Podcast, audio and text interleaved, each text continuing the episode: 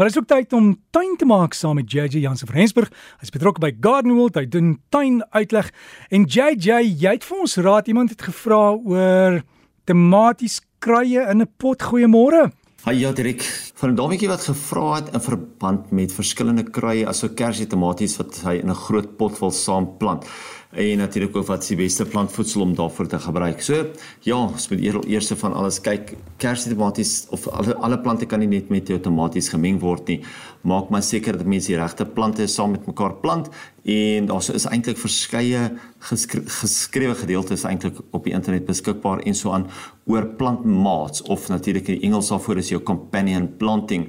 Saam met jou kry tomaties moet 'n mens maar altyd pas op om veral jou minte en so aan te plant. Hulle wil nie noodwendig in dieselfde pot geplant word nie vir alles mense nou ander kruie en dan kyk. Maar jy kan byvoorbeeld as jy basiliekruid plant kan jy dit saam met hom byvoorbeeld plant. Ons hulle help mekaar weer aan. Hulle gaan nie mekaar uh, afbreek nie of terughou nie. Hulle sal mekaar aanhelp. So ja daar is verskeie plante wat mense saam met mekaar kan plant maar kyk maar 'n bietjie laai vir jou een van daai uh fabeljetjies of so af en kyk bietjie wat waarvan hou jy en kan jy hulle bymekaar plant of kan jy nie. Dan moet jy mens ook kyk watter plantvoedsel is die beste om te gebruik. Nou ek hou daarvan om heel eers van alles veral in potte te begin met 'n goeie grondmengsel. Nou die grond gewoonlik as jy 'n potgrond gebruik en natuurlik ook dan jou kraalmis of so by hom kan inmeng, nog beter. Dit is fantasties en dan om hom te voer, mens moet genoeg beenmeel insit anders kry mens daai blossom end rot en dit is natuurlik nou wanneer die uh tamatie daai kol onder op die tomaties self kry. Ek dink dink hulle noem dit in Afrikaans 'n bloei en vrot. Ek is nie 100% seker oor daai ene nie. Uh maar ja, dit is wanneer die tomaties self van onder af sleg word en dan kan mense dit nou na die tyd kan mense dit uh, voer met ietsie soos jou organiese guano werk gewoonlik baie goed met jou tomaties. Dan wil jy daarmee ook weet watter is die beste tyd om jou kersie tomaties te plant. Nou somertyd is altyd die beste tyd vir hulle. So jy kan dit uh, middelher ag middellente of so jammer kan jy plant vir die warmer maande en dan weet jy gedurende die somer gaan dit uh, pragtig dra. En JJ as dit nou so pragtig gedraai het en ons het geoes, dan moet ons ook die blare gaan optel want ek sien hierdie tyd van die jaar die goed val nogal, né? Ja, besig om lekker vinnig koel cool te word, nê? Nee? Ek kan nie glo hoeveel plante is al klaar in hulle herfskleure nie. Ek het net gister gekyk na 'n wilde dryf of 'n ornamentele dryf wat al klaar pragtig in herfskleur is en ek dink 'n mens by jouself elke ander jaar gebeur dit eers 'n bietjie later in die herfs en Mei, maar hierdie jaar het dit redelik vroeg begin. Maar nou ja, daar's heelwat wat ons nou in die tuin kan doen en kom ons begin gou eers van alles met 'n e-pos wat ek vroeër in die week gekry het van 'n dame in Warmbad wat 'n enorme probleem het met onkruide by 'n vakansieoord op die grasperke. Nou die vraag was nie net oor wat 'n mens moet gebruik nie, maar ook hoe kan 'n mens te werk gaan om dit deeglik te doen? Nou die beste selektiewe onkruiddoder, dan nou ek praat van 'n selektiewe onkruiddoder, jy wil nie die gras self doodspuit nie. Jy wil net die onkruide doodmaak. Wat ek deesdae aanbeveel, die beste selektiewe onkruiddoder wat ek deesdae aanbeveel, is Versus. Nou Versus maak so te sê alle onkruide dood maar nie die gras nie. Mits mense dit reg gebruik. Onthou, ons kan nie die chemikalieë blameer as jy dit nie reg gebruik nie. Die tweede deel van die vraag is natuurlik hoe kan mense dit deeglik doen? Nou dit is nou waarom mense gewoonlik in jou kleiner tuine twee toue of so vat of selfs jou tuinslang en dan kan 'n mens twee lyne basies span. Dan kan 'n mens tussen die lyne spuit en jy kan die lyne heen en weer skuif soos dit nodig is, sodat jy altyd weet as jy jou een lyn bo oor die ander een skuif, dan weet jy altyd dat jy daai area gespuit het en dan kan jy hom so kan jy hom aanskei. Jy kan ook natuurlik soos ek genoem het, kan jy jou tuinslang gebruik vir presies dieselfde doel. Maar dit gebruik mense gewoonlik op jou kleiner grasperke. Jy kan dit nie op jou groter grasperke gebruik nie tensy jy mens regtig lang toue en lang lyne um, of lang tuinslange het om dit mee te doen.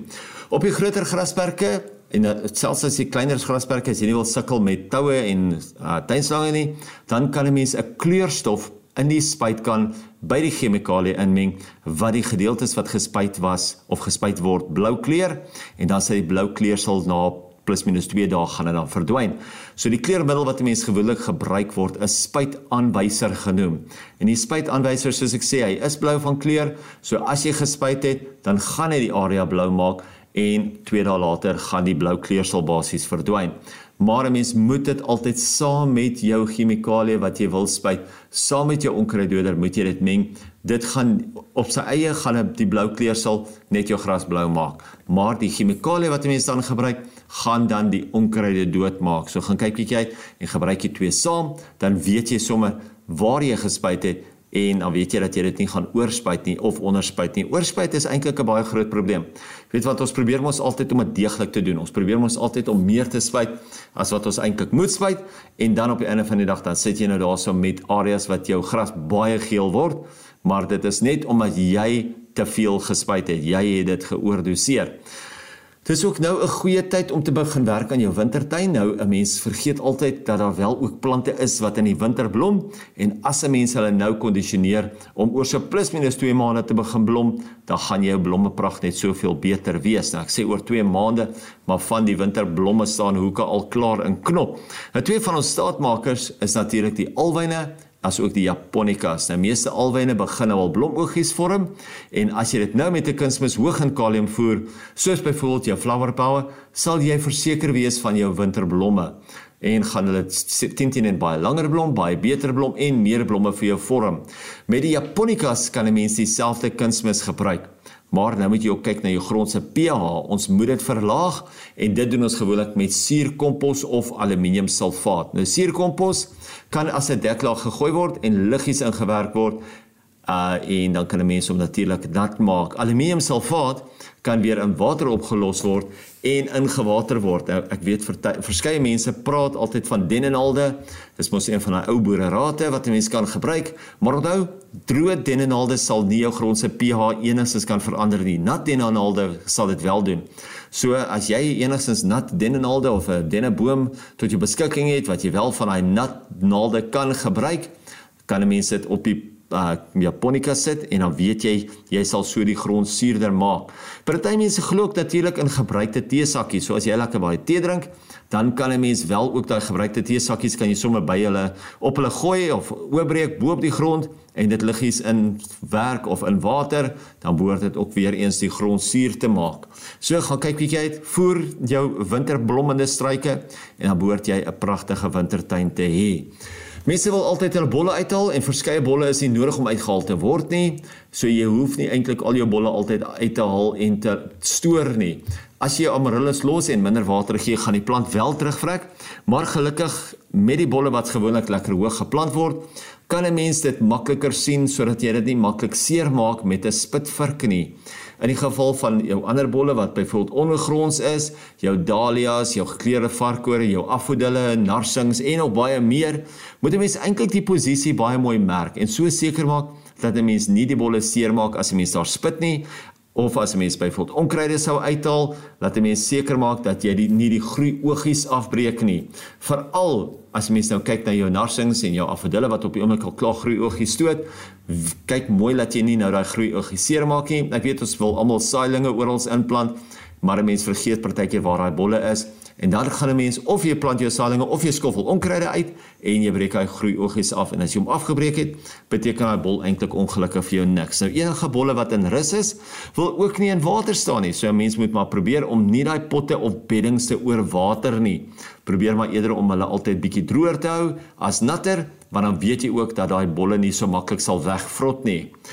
Ons plan vir die week hierdie week met almal wat weg was en foto's geplaas het op sosiale media vir die plante wat nou pragtig reg oor die land geblom het, het ek een plant op verskeie foto's opgemerk en so het ek dit goed gedink om dit die plant van die week te maak. Nou in Afrikaans ken ons dit as die blou suiselbos en die botaniese naam is natuurlik die plant Beigo.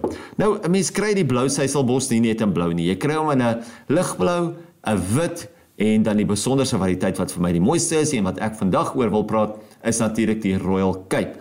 Nou die Royal Cape is 'n donkerder blou. Nou hoor jy, hy is regtig pragtig. Hy maak groot blomme. Hy groei heeltemal so groot soos die ander nie. Groei net so 1.5 meter hoog, 1.5 meter wyd.